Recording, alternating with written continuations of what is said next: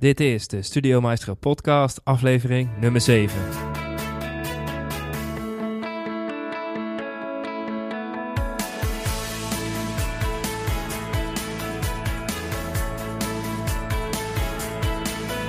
Welkom allemaal, mijn naam is Dennis van Leeuwen en vandaag hebben we weer een hele vette spreker in onze uitzending. Zijn naam is Jerry van Staveren en hij is business coach en weet vooral heel veel van sales. In dit gesprek uh, gaan we over verschillende elementen heen van een verkoopgesprek en ik denk echt dat je iets uit deze podcast kan halen wat je direct kan toepassen in je eigen bedrijf.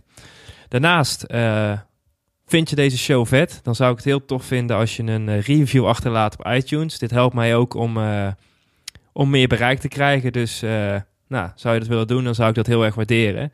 En voor nu wens ik jou heel veel luisterplezier. Welkom Jerry. Leuk dat je de tijd hebt genomen om ja, weer een leuke podcast interview af te nemen. En ja, ik ben benieuwd ja, hoe het met je gaat. Ja, dankjewel Dennis. Jij ook bedankt voor de uitnodiging. Leuk om, om hierbij aanwezig te zijn. Ehm, ja, met mij gaat het eigenlijk, eigenlijk hartstikke goed. Dus ik zie van jou ook mooie dingen voorbij komen. Dus ik neem aan dat bij jou het ook allemaal hartstikke lekker gaat. Ja, ik, ik zit ook lekker in de flow. Dus ik heb het gevoel dat we ja, goede waarden aan het keren zijn de laatste tijd. Dus ik denk dat jij er ook een goed steentje aan kan bijdragen. Want ja, misschien kun jij als eerste een introductie geven over, over jouw bedrijf. Yes.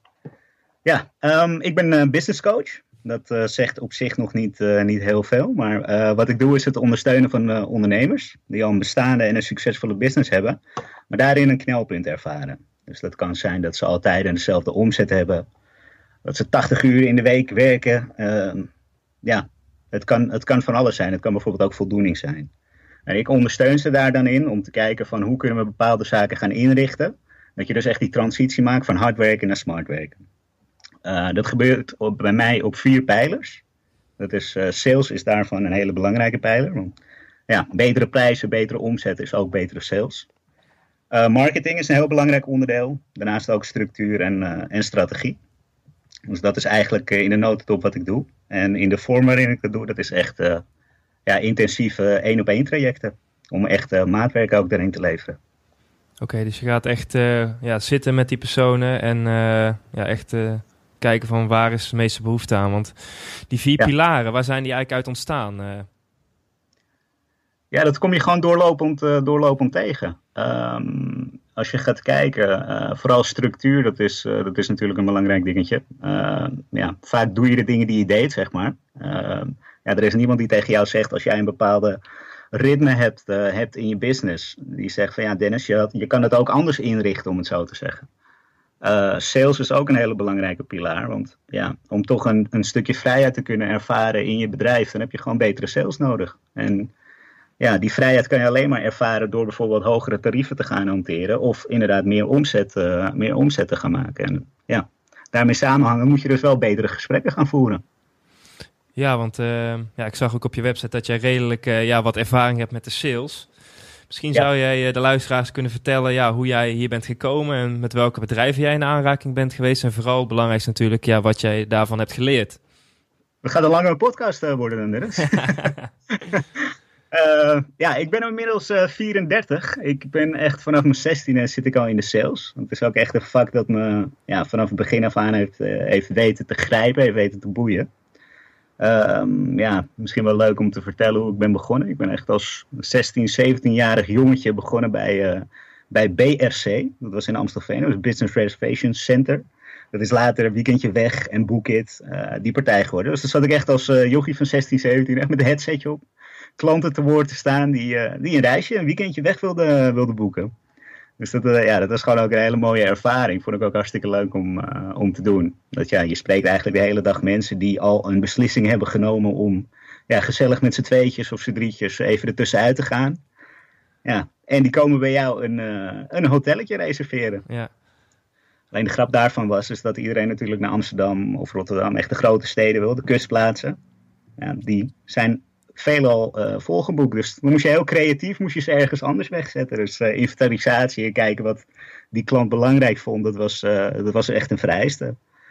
Um, ja, dat heb ik echt behoorlijk lang volgehouden. Eigenlijk mijn hele studie, studie lang. Um, ja, en toen was het tijd voor de echte, de echte eerste fulltime, fulltime baan. Toen ben ik terechtgekomen bij een nieuwe afdeling van Riet Elsevier die toen opgezet werd. Riet Elsevier, een groot beursgenoteerd bedrijf. En die waren bezig om een uh, internetgerelateerde afdeling neer te zetten. Dat was de eerste daarvan in Nederland, dus er was ook, uh, ook geen referentiekader.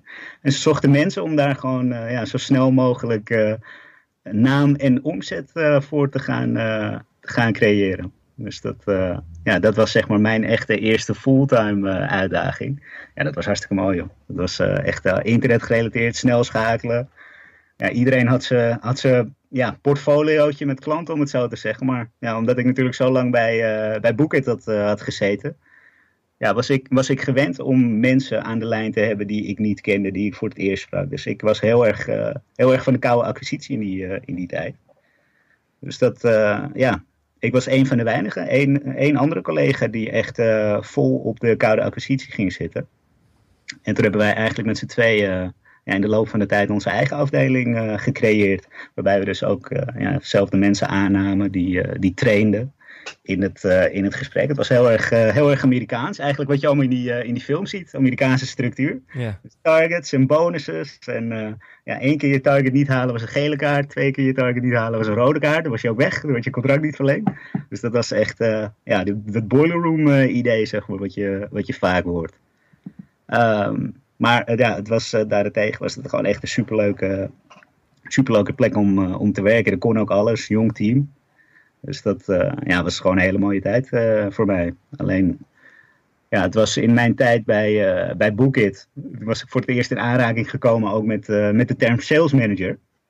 Toen de tijd wist ik ook niet echt wat het, wat het inhield.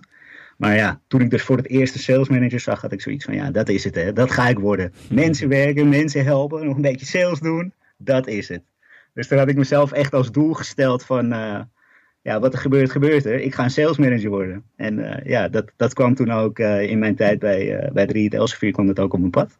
Toen ben ik bij Otto, Otto gaan werken. Dus een hele grote uitzendorganisatie. Die hebben per dag ongeveer drie, 3000 uitzendmedewerkers aan de slag. Een hele grote professionele partij. En ja, daar ben ik toen als sales manager eh, aan de slag gegaan.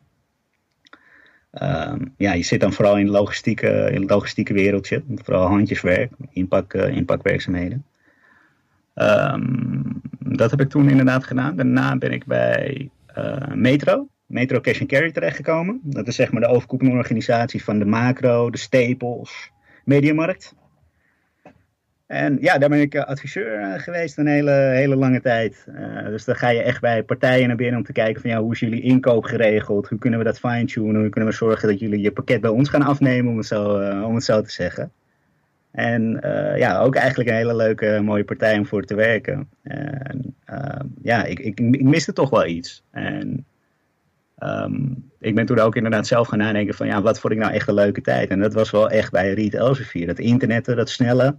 Dus toen ben ik uh, zodoende bij, uh, bij Elko en bij Winst uh, weer terechtgekomen om daar als, als business coach aan de, aan de slag te gaan. Dus dat is een beetje mijn pad, mijn pad geweest. Nou, nou klinkt, klinkt uitdagend, veel geprobeerd. Want ik denk dat ja, als je terugkijkt naar bijvoorbeeld jouw eerste baantje, toen je mm -hmm. mensen ook aan de telefoon had, wat zijn eigenlijk de, de dingen die echt extreem veranderd zijn als je die, die toen jij 16 was, dus best wel een tijdje geleden, vergelijkt met nu? Ja, ja ik denk sowieso de technologie. Ik weet nog dat we toen de tijd was het best wel. Uh, ja, moet ik het zeggen? We hadden bij, bij Bookit dan, dat ik 16 was, hadden we dan wel een computersysteem. Maar dat was helemaal niet op internet gekoppeld, zeg maar. Dus dan werkte je met codes. Elk hotel had een code. Dus je moest uit je hoofd weten wat de code van het hotel was. Je hebt 251 was het Koerhuis bijvoorbeeld. Ja. weet ik nu nog steeds. dus dan, ja, dan moest je dus uit je hoofd zeg maar weten van ja, welk, welke hotel valt onder welke code. En dat was ja, veelal, uh, veelal gerommeld.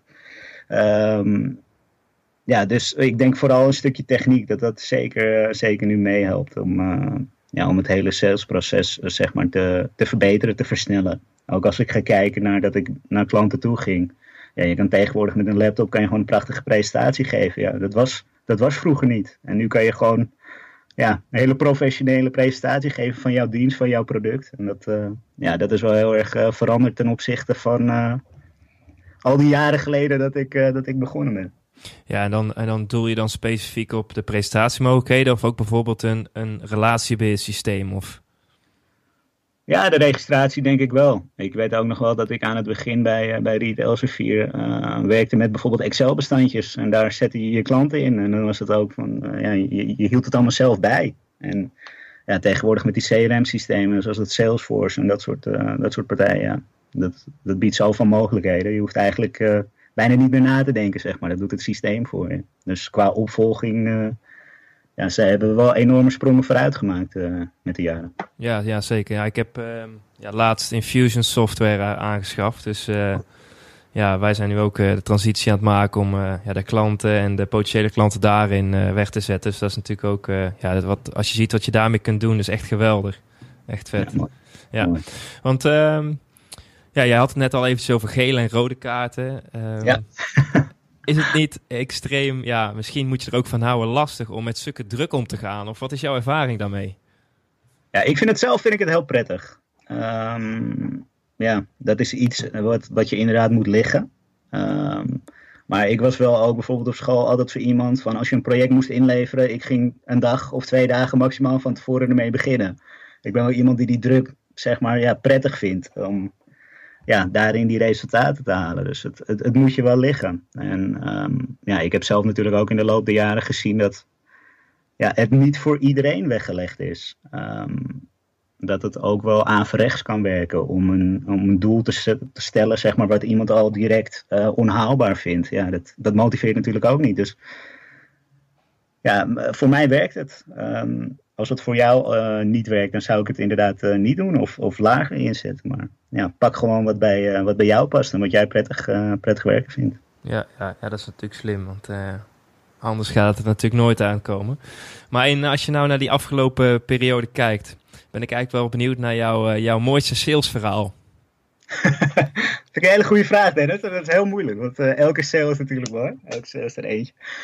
Um, ja, ik heb toevallig laatst een blog uh, geschreven over een, uh, over een boete die ik toen kreeg van de politie waar ik onderuit ben gekomen. Dat was natuurlijk een heel mooi zelfsverhaal. Maar ja, eentje waar ik direct eigenlijk aan moet denken, dat was in mijn tijd bij, uh, bij Metro, bij de Macro. Um, ja, daar kun je ook echt zien, die vind ik ook een mooi voorbeeld om te zien van dat sales echt mensenwerk is. Kijk, sales is natuurlijk een heel lelijk woord geworden en er rust een soort taboe op. Maar ja, sales is eigenlijk ook wat we elke dag doen. Ik word bijvoorbeeld door mijn zoontje die die gebruikt ook salestechnieken op mij om, uh, om zijn zin uh, te krijgen, zeg maar. Maar um, ja, dat, dat sales mensenwerk is, dat komt in dit verhaal wel echt naar voren. Dat was uh, in mijn tijd inderdaad, wat ik al zei, bij, bij Metro. Ik heb toen heel veel beurzen gedaan, waaronder de Horecava. En dan ben je eigenlijk de hele tijd ben je met klanten op een stand in gesprek. Dus ja, je, je, je, je bent ook echt in de modus van met iedereen een, een, een babbeltje maken, om het zo te zeggen. En uh, ja, lange dagen, gaat veel koffie, uh, koffie doorheen. Dus ik was toen uh, op weg naar de wc toe. En daar stond een uh, ja, best wel grote, imposante kerel voor me in de, in de rij zeg maar, te wachten. En ik zat een beetje een babbeltje met hem te maken. Gewoon echt over de koetjes en de kalfjes en het weer. En ja, hoe gaat het bij jou bestand? Ja, gaat goed. En hoe gaat het met jou? Weet je wel, echt het, ja, niet echt met een, met een concreet doel erachter. Maar gewoon een heel leuk gesprek. En ehm, ja, we staan daar in de rij, gaan allebei uh, naar de wc. En, en, daarna hebben we zoiets van, uh, ja, laten we even kaartjes uitwisselen. Dus wij gewoon visitekaartjes uitgewisseld. Gewoon, uh, ja, niet mee verlegen, ook niet jong verlegen om het, zo, om het zo te zeggen. En eigenlijk daar nooit meer bij nagedacht. Maar ik, ik was dus op kantoor toen. En toen werd ik opeens gebeld door, door ene Kees. En ehm, ja, dus eerst een beetje zoeken van wie was je ook weer. Dus hij vertelde van, ja, ik ken je van de horeca. Ik denk, oké. Toen ging het lampje branden, dat is, uh, dat is hij. Toen bleek hij dus dat hij een groothandel had. En dat hij dus um, ja, bij, uh, eigenlijk de groothandel was die gekoppeld is aan de Sperrip Express. Dat wist ik toen de tijd natuurlijk helemaal niet. Maar dat bleek dus wel zo te zijn. Dus elke Sperrip Express in Nederland, die moet bij hem uh, de spullen gaan komen afnemen, zeg maar, als ze onder die franchise vallen. En was toen de tijd, was het ja, was het qua, qua varkens, was er een of ander virus iets. Dus er was bijna geen varkensvlees uh, meer te krijgen. En um, ja, het vlees waar ze sperres van snijden, dan maken ze in Engeland bijvoorbeeld bacon van. Ja. Alleen bacon, daar hanteren ze een betere prijs voor. Dus eigenlijk elk varken dat er was, daar werd bacon van gesneden. Dus er was bijna geen sperrips te, te krijgen. Dus hij nam contact met mij op. Van ja, heb, je, heb jij nog sperrips toevallig?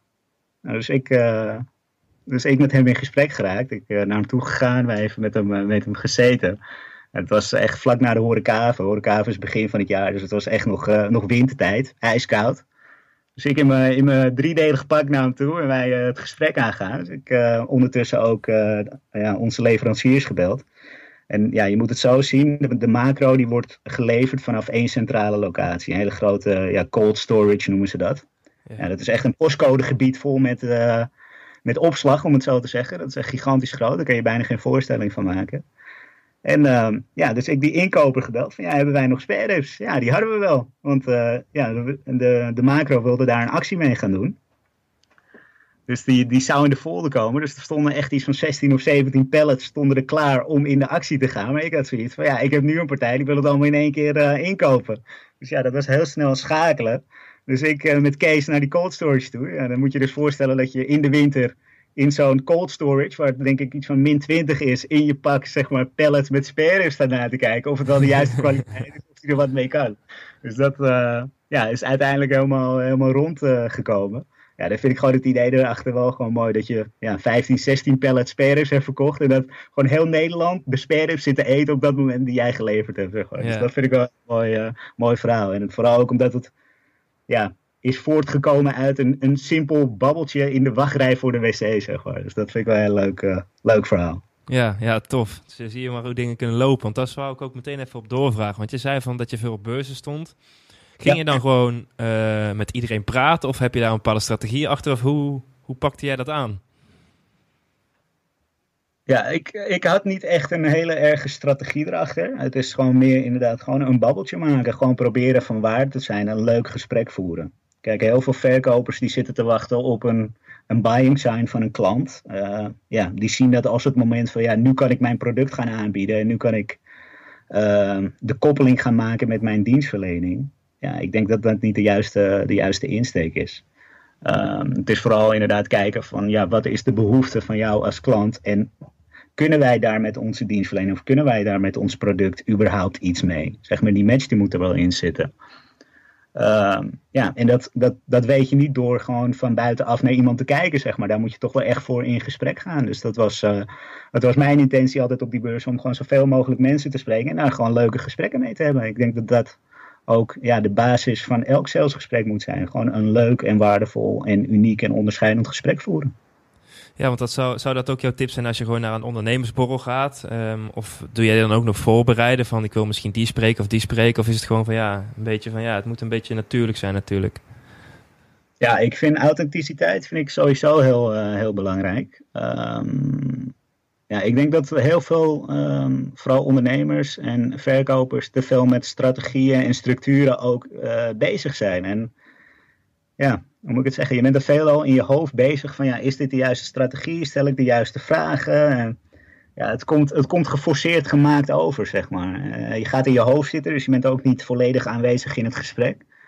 Dus ik denk gewoon dat het, uh, ja, dat het voor iedereen beter is om dat gewoon los te laten. Ook die verwachtingen los te laten en gewoon een leuk gesprek met iemand te hebben. Ik denk dat het voor beide partijen leuker is.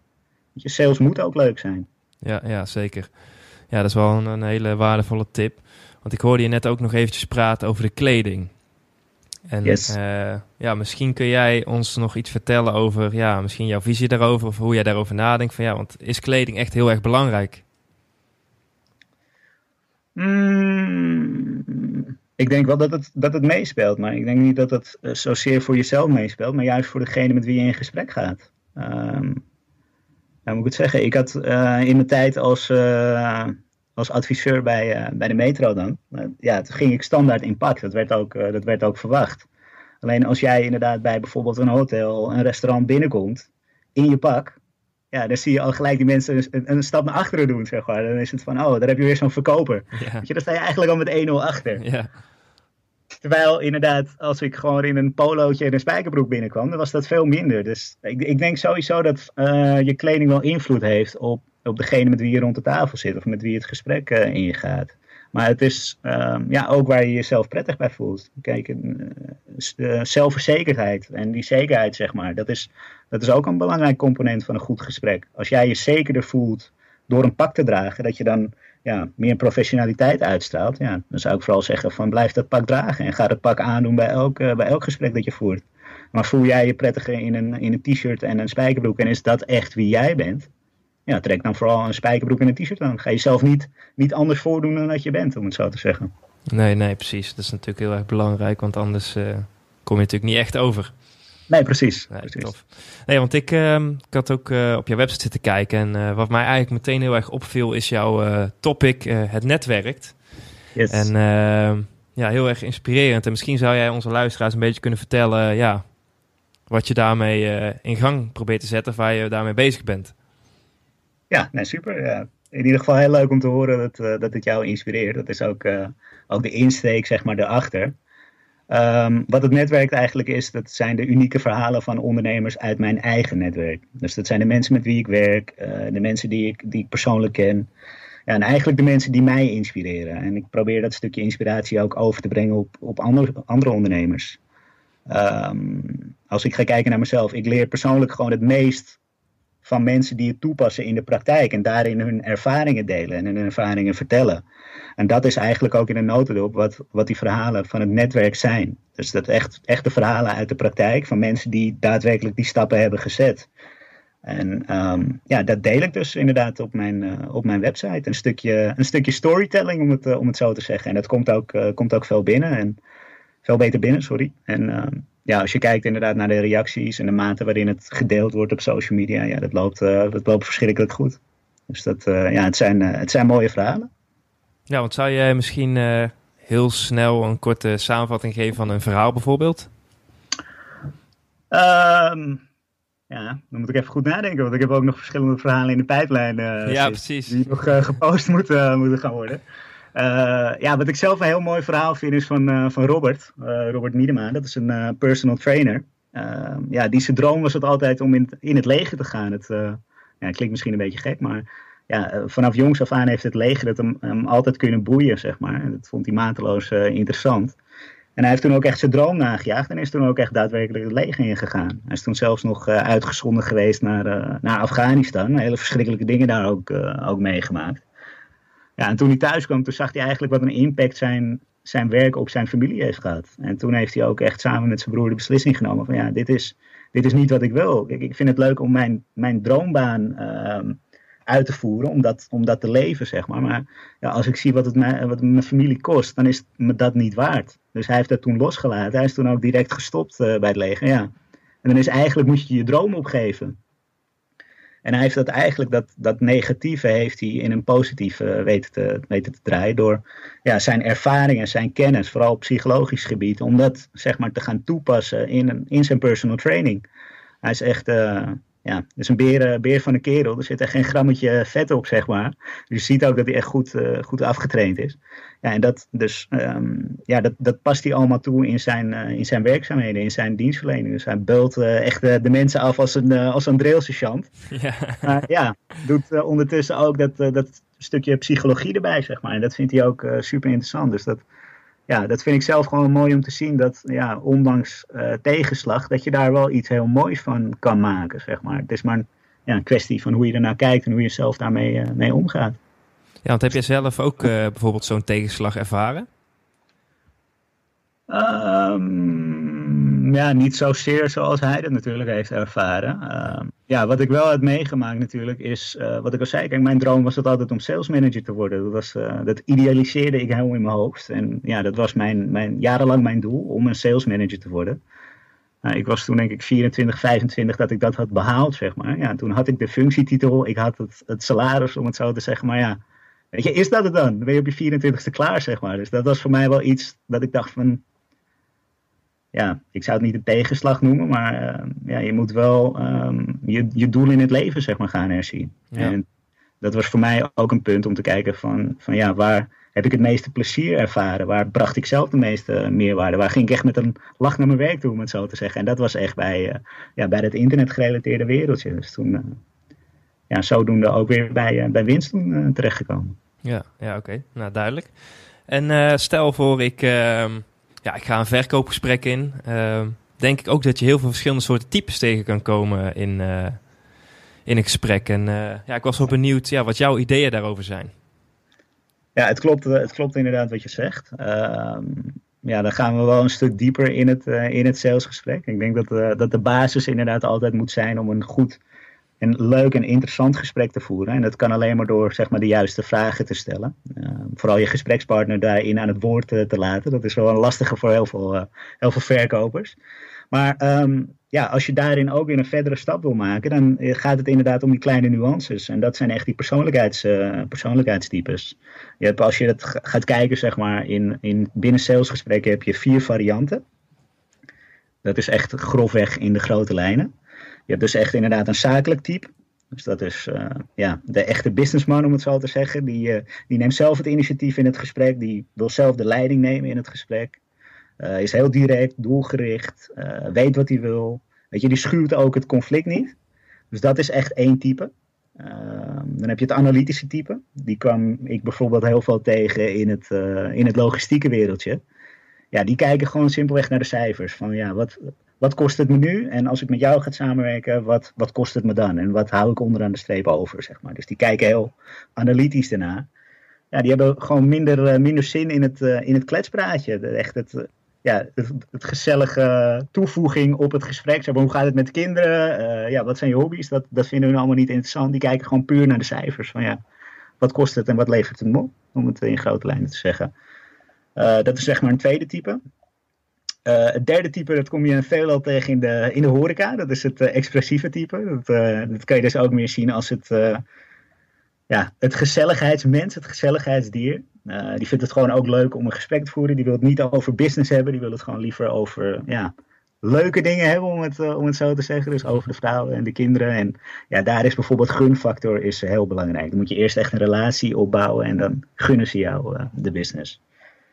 En dan heb je nog een, een vierde type, dat is het, uh, ik vind het altijd lastig om het uit te spreken, maar het amabele, amabele type. Dat is eigenlijk het, uh, ja, het, het, rustige type. Die geeft jou heel veel ruimte in het gesprek. Die wil eigenlijk dat jij ook de leiding en de structuur in handen neemt van het gesprek. En die wil ook echt zeg maar gezamenlijke doelen, doelen bereiken. En dat is, ja, die komt misschien iets meer onzeker over. Dus die kijkt ook echt naar anderen om, ja, om hun beslissingen te valideren. Dus die, die, die zullen inderdaad gaan rondvragen, die zullen gaan rondkijken. Um, ja, daarvoor is, is in dat type is dat gewoon heel belangrijk. Um, die moet je ook dus gedurende het gesprek ja, uh, complimenten geven en verzekeren dat ze de juiste stap nemen, om het zo, uh, om het zo te zeggen. En het is wel grappig, want dat, dat rustige type, als je hun dus onder druk gaat zetten, ja, dan heb je dus echt ook dat vluchtgedrag. Dan gaan ze dus ook echt, uh, ja, trekken ze zich terug uit het gesprek en dan willen ze eigenlijk weg, om het, uh, om het zo te zeggen. Dus ja. Dat, ja, dat zijn allemaal die kleine nuances waar je ja, rekening mee moet gaan houden als je echt heel veel gesprekken uh, al hebt gevoerd. Dat je denkt van ja, wat, wat kan ik nog verbeteren in mijn gesprek? Wat kan ik nog anders doen? Ja, dan is echt inderdaad het aanspreken van die types, zeg maar, dat is dan een stap die, die je in dat proces kan zetten om ja, net even die die laatste, ja, uh, dat laatste fine-tunen zeg maar, van je gesprek toe te, toe te passen. Ja, want dan gaan we vrij diep hoor, Dennis. Ja, ja, precies. Nee, dat dacht ik al. Want, uh, maar uh, en dat is echt een uh, techniek die organisch ontstaat in het gesprek? Of kun je daar ook nog op een bepaalde manier op voorbereiden? Of? Um, ja, je kan je er wel op voorbereiden, maar het is vaak iets wat natuurlijk in het gesprek verloopt. Kijk, het is um, wat ik ook probeer te doen um, tijdens uh, mijn samenwerking, is simpelweg jou uh, daarvan op de hoogte te stellen. Dus dat je er wel echt uh, rekening mee houdt, zeg maar, als je de gesprekken ingaat. Een stukje bewustwording. En ik denk dat dat heel belangrijk is. Kijk, ik, ik, ik hoor ook heel vaak van ja, dat doe ik al en zo gaat het al. Maar dat, dat is ook juist de bedoeling. Kijk, het is in een gesprek. Ja, hoe moet ik het zeggen, als jij met iemand een gesprek hebt, er is altijd uh, iemand die verkoopt, om het zo te zeggen. Sales is gewoon onderdeel van hoe wij ook met elkaar communiceren. Dus uh, het heeft veel raakvlakken, maar door echt je daarvan bewust te worden en daarmee aan de slag te gaan, ja, dan kan je wel je gesprek gewoon vele malen verbeteren en uh, ja, een hogere conversie behalen. En dat is gewoon, dat is gewoon heel belangrijk. Um, ja, en het is iets wat je zelf heel snel in het gesprek merkt. Kijk, als iemand al direct de leiding neemt in het gesprek, uh, ja, gelijk over de business uh, begint te praten, uh, jou weinig ruimte noemt, alleen maar zijn kant gaat vertellen, ja, dan, dan heb je al snel genoeg door dat je een zakelijk type voor je hebt. Ja, is het iemand die direct de cijfers induikt en geen kletspraatje wil maken, om het zo te zeggen? Ja, dan heb je ook grote kans dat het een analytisch persoon is. Dus, dus ja, het is ook een stukje, stukje mensenkennis en dat, dat zit van nature al in ons. Het is alleen inderdaad dat stukje bewustwording en dan weten van ja, welke stappen, welke vervolgstappen kan ik daarin zetten om de kwaliteit van het gesprek te verhogen. Ja, ja inderdaad. Want ik vind uh, ja, vooral de leiding, wie de leiding neemt in het gesprek, altijd wel een interessant onderdeel. Omdat je toch merkt inderdaad dat de ene keer jij uh, misschien de vraag voorstelt. Of um, ja, het, is wel heel, heel divers inderdaad. Mm -hmm. Ja, want um, de juiste vragen. Ik heb hem meteen opgeschreven ja. om door te vragen. Dat is natuurlijk een heel lastig onderwerp. Maar ja, kun je daar nog iets op verder gaan? Ja, ja absoluut. absoluut. Um, kijk, wat, wat veelal een fout is van uh, verkopers, wat ik dan uh, merk in mijn ervaring, is dat ze eigenlijk op zoek zijn naar het moment dat ze hun product kunnen koppelen. Dus ze, ze gaan in het gesprek eigenlijk kijken van ja, wanneer kan ik mijn aanbieding gaan doen? Ja, dat werkt gewoon vaak niet. Het belangrijkste is namelijk behoefte die jouw klant heeft. Een klant gaat, een, of althans in dit geval een potentiële klant, die gaat met jou een gesprek aan omdat ze een bepaald knelpunt ervaren. Omdat ze ja, iets nodig hebben wat ze met jouw dienstverlening of jouw product kunnen oplossen. Alleen je moet er wel achter komen van ja, wat is hun doel erachter? Wat is precies dat, uh, dat knelpunt? En um, ja, door echt op die specificaties in te gaan, dat, dat werkt vaak niet. Um, als je echt inderdaad op die specificaties ingaat van jouw product of dienst, dan gaat jouw gesprekspartner het ook vanuit die optiek benaderen. Dus ga je ze heel veel informatie geven, heel veel kennis geven, dan ben je ze eigenlijk aan het opleiden en ben je ze aan het verzadigen met de informatie. Dan heb je dus ook echt veel gegeven, zeg maar, tijdens het gesprek. Maar je hebt, zeg maar, jouw gesprekspartner ook heel veel stof tot nadenken gegeven. En als ze in die mindstate zitten, dan zullen ze nooit een samenwerking met jou op dat moment aangaan. Want ze, moeten, ja, ze hebben heel veel dingen om over na te denken. Ze hebben heel veel nieuwe informatie opgedaan.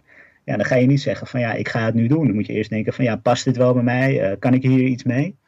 Dus daar, daar wordt gewoon heel veel uh, business op verloren. Door ja, te veel in te gaan op de specificaties. Het is veel ja, belangrijker om uh, mensen in die emotie, emotie te trekken. Dus wat, wat is voor hun het reden? Hoe ervaren ze dat knelpunt? Wat, waar zorgt dat knelpunt voor? Wat, wat zijn de nadelen daarvan? Zeg maar? Wat doet dat met ze? En ik denk dat dat veel belangrijker is. En daar moet je ook je vragen zeg maar, op instellen. Dus echt puur op de, op de emotie gaan zitten. Ik noem dat zelf uh, ja, in de bestemming zitten en niet in het vliegtuig. Heel veel ver, ver, verkopers die focussen hun gesprek op het vliegtuig. Dus uh, ja, moet ik het zeggen, het, heeft twee vleugels en 200 zitplaatsen en het vliegt op 10 kilometer hoogte. Ja, dat is, dat is voor een klant helemaal niet belangrijk. Het is niet belangrijk wat er allemaal bij komt kijken. Wat wel belangrijk is, is waar het vliegtuig ze heen gaat brengen. Dus inderdaad, dat ze op het strand kunnen zitten met een cocktail in de hand en de voeten in de zee. Kijk, en daar moet je ook je gesprek op focussen. Dus niet op het vliegtuig, maar juist op de eindbestemming. Dus wat gaat jouw product hun opleveren? Wat is het voordeel daarvan? Of beter gezegd, het voordeel van het voordeel. Ja, het is inderdaad een uh, heel interessant onderwerp. Want ja, je wil natuurlijk vaak ja, gaan preachen over je eigen product. Van hé, hey, dit is goed en dat is goed. Terwijl ja, de, de klant misschien helemaal niet weet wat het inhoudt. En je ze daar inderdaad toch helemaal door verzadigt. Dus uh, ja. ja, ja, dat is wel een, uh, een hele slimme, slimme opmerking. Maar um, waar ik bijvoorbeeld vaak tegenaan loop, is dat mm -hmm. mensen bijvoorbeeld vragen over de techniek, uh, dingen gaan vragen. Um, wat moet ik in zo'n situatie, kan ik dan het beste doen? Ja. Ja, wat dat betreft heb jij een uh, mooie markt. Kijk, het is, uh, kijk, bij jou is de techniek natuurlijk heel belangrijk. Jij zit in het internet gerelateerd. Dus het gaat vaak om de, juist om de technische specificaties. En dat maakt het lastig. Um, ja, wat, wat je in zo'n geval altijd moet doen, is inderdaad ook kijken van ja, wat is de behoefte van mijn klant? Wat willen ze specifiek?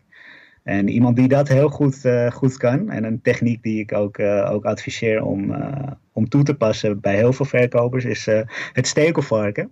De porcupine, om het zo te zeggen. Dat is een techniek van Tom Hopkins. Die, die zat in het vastgoed in Amerika en die haalde daar echt een conversie van, ik geloof, 95%. Dus als hij 100 gesprekken voerde met, met potentiële klanten, 95% daarvan die kocht bij hem. En dat was simpelweg omdat hij niet zijn product ging aanprijzen, maar hij gooide het stekelvarken terug. Uh, hij noemde dat het stekelvarken omdat hij het zag als mensen hem een lastige vraag stelden. Dus bijvoorbeeld, wanneer kan je opleveren? Uh, wanneer kunnen we in het huis? allemaal dat soort vragen, zeg maar. Dus, dus ja, specificatievragen, om het zo te zeggen. Dat zag hij als een stekelvarken die dan in zijn schoot werd gegooid. En wat deed hij als hij een stekelvarken in zijn schoot kreeg gegooid? Dan gooide hij hem direct terug. Dus inderdaad, dan was de vraag van, ehm, ja, wanneer kunt u het huis opleveren? En dan vroeg hij, wanneer wilt u dat het huis opgeleverd wordt? En dan, ja, door dat zeg maar toe te passen, die stekelvarkentechniek, ga je eigenlijk direct in de behoeften van jouw klant zitten. En dat is denk ik een hele belangrijke om die gewoon veel uh, toe te passen in het gesprek. Uh, ja, om, om zodoende achter echt die dieperliggende behoeften van jouw klant te komen. En daarnaast, um, jouw jouw gesprekspartner, zeg maar, die gaat zelf aangeven wat hij wil. Dus hij kan daarna niet zeggen aan het eind van het gesprek: nee, dit wil ik niet. Want je hebt eigenlijk compleet een, een beeld gegeven van wat zijn behoefte is, wat hij wil in jullie samenwerking. Ja, als die vijf keer heeft gezegd van ik wil dit en ik wil dit en ik wil dit en ik wil dit. En, en jij koppelt aan het eind van het gesprek terug van oké, dan ga ik jou dit geven. Ja, dan, dan kunnen ze eigenlijk bijna niet meer terug. Dus vandaar ook dat Tom Hopkins zo'n hoge conversie had. Want hij gaf eigenlijk de mensen precies wat ze wilden hebben. Ja, het was uh, onweerstaanbaar daardoor. Ja, absoluut. absoluut. Kijk, en dat is voor jou denk ik in jouw markt ook, uh, ook heel belangrijk. Um, vooral omdat het om de specificaties gaat. Dus jij kan wel gaan vertellen van wat voor een technische specificatie er allemaal bij komen kijken. Van ja, het, uh, ik ga dit systeem koppelen en dit gaat geautomatiseerd. Maar ja, dat, dat is allemaal... Um, dan moet je het zeggen, dat, daarmee ga je niet in de emotie van de klant zitten. Dus door dan dat stekelvarken toe te passen, gaan zij eigenlijk jou precies teruggeven wat zij willen hebben. Dus dan kunnen ze bijvoorbeeld zeggen van nou, ik wil dit systeem en ik wil uh, zo vaak een update. En weet je, allemaal, uh, ja, ze gaan eigenlijk echt de concrete behoeften bij jou neerleggen. Die gaan ze schetsen voor jou. Dus dan hoef jij het niet meer te doen. Nee, die kun je natuurlijk uh, daarna in je pitch heel makkelijk terugnemen, die punten. Of weer op tafel leggen, inderdaad. Ja, want stel je gaat een, uh, een verkoopgesprek in. Um, mm-hmm. Hoe kun je het beste zo'n gesprek ingaan? Is, zijn er verschillende fases in? Um, kun je daar, hoe kun je dat het beste opzetten? Ja, er, er zit wel echt inderdaad een vaste, vaste structuur in. En um, ja, hoe die in grote lijnen zeg maar, uh, is vormgegeven. Dan heb je eigenlijk aan het begin heb je altijd de opening. Dus dat, uh, ja, dat is eigenlijk het meest uh, stressvolle moment, zowel voor jou als voor de klant. Dat is namelijk het moment dat jullie echt face-to-face komen. Dus echt het gesprek aangaan. Ja, dan, uh, dan is het, het stresslevel zeg maar het, het hoogst. Dus eigenlijk wil je dat direct wegnemen. En wat daarin wil helpen is door ja, echt over de koetjes en de kalfjes te beginnen. Um, en het beste werkt als je daarin gemeenschappelijke interesses vindt. Dus stel jij bent bij een klant uh, in mijn geval, ik heb bijvoorbeeld twee kinderen. Ik kom bij een klant en ik zie foto's van kinderen. Ja, dan werkt het heel goed om aan het begin over iets te praten wat niet business gerelateerd is. Dus dan kan je inderdaad zeggen van, oh, ik zie dat je kinderen hebt, hoe oud zijn ze, wat leuk. En ja, ik heb zelf ook kids. Weet je, dan heb je gelijk al een raakvlak om het, om het zo te zeggen. En dat, wat daarvan het doel is, is om dat stresslevel wat je aan het begin ervaart, dat zo snel mogelijk naar beneden, naar beneden te krijgen. Uh, wat ik vervolgens dan doe in het gesprek qua structuur en wat goed werkt, is omdat je ja, eigenlijk een kletspraatje maakt aan het begin, wordt het ook wat laagdrempeliger. En je wil eigenlijk dan weer direct de leiding nemen in het gesprek. Dus wat ik dan doe is, ik vertel mijn intentie. Dus dan ga ik zeggen van nou, uh, we zijn vandaag bij elkaar gekomen. Het is mijn intentie om erachter te komen ja, wat, wat jij precies voor ogen hebt in onze samenwerking, wat jouw behoefte is, wat jij wil. Dan gaan we in, het, uh, ja, in dit gesprek gaan we het daarover hebben. Dan kijken we aan het eind van het gesprek of ja, daar een, een match in zit met mijn dienstverlening. Of wij iets met, voor elkaar kunnen betekenen. Kan dat niet, dan zal ik dat ook benoemen. Maar we gaan eerst gewoon kijken van wat, wat jij wil. Dus dan laat je gelijk heel duidelijk zien van ja, wat, wat is jouw doel voor het gesprek, om het zo te zeggen. En dan geef je jou, jouw gesprekspartner ook een stukje zekerheid. Die weet ook direct van wat hij kan verwachten in het, uh, in het gesprek. Dan de, de derde fase, dat is de verreweg de meest belangrijke fase, dat zeg je inventarisatie. Dus dan ga je je vragen stellen. Um, dus dan ga je dus echt de behoeften van jouw klant vormgeven. En um, ja, in die fase wil je ook echt dat jouw gesprekspartner verreweg het, het meeste van de tijd in beslag neemt. Dus stel daar ook gewoon kritische vragen. Uh, ja, is dat wat je wil? Waarom wil je dat? Uh, hoezo? Uh, weet je, allemaal, allemaal open vragen om het, om het zo te zeggen. Um, als je dat zeg maar, als je daar een duidelijk beeld van, uh, van hebt, dus je hebt die inventarisatie gedaan, dan ga je een samenvatting geven. Dat is eigenlijk weer de bevestiging van hun behoeften. Dus dan, ja, als het goed is, heb je genoteerd wat, jou, uh, wat jouw potentiële klant jou heeft gegeven qua informatie. En in de samenvatting is eigenlijk het moment dat je dat gaat terugkoppelen. En dat, uh, dat is dus de samenvattingsfase. Dan ga je dus eigenlijk ja, concreet de behoeften scheppen. Als je die samenvatting hebt gedaan, dan komt de samenwerking zeg maar ter sprake. Dus dan ga je vertellen van oké, dit is jouw behoefte en dit is wat ik daarvoor heb. Dit is mijn dienstverlening of dit is mijn product waarmee ik in jouw behoefte voldoen, om het zo te zeggen. Ja. Dat, is, dat is zeg maar de samenwerking of het voorstel wat je dan gaat doen.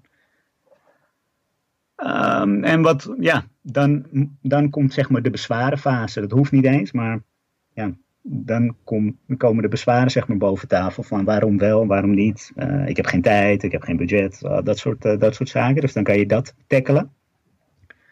Um, als je die bezwarenfase hebt gehad, dan, ja, dan moet je hem eigenlijk doorpakken door te zeggen van wat de vervolgstappen zijn.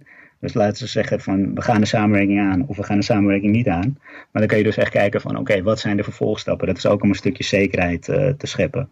Um, ja, heel veel verkopers, zodra ze de sale binnen hebben, dan kappen ze gelijk het gesprek af. Van ja, nee, dankjewel, super. En uh, ja, we gaan aan de slag.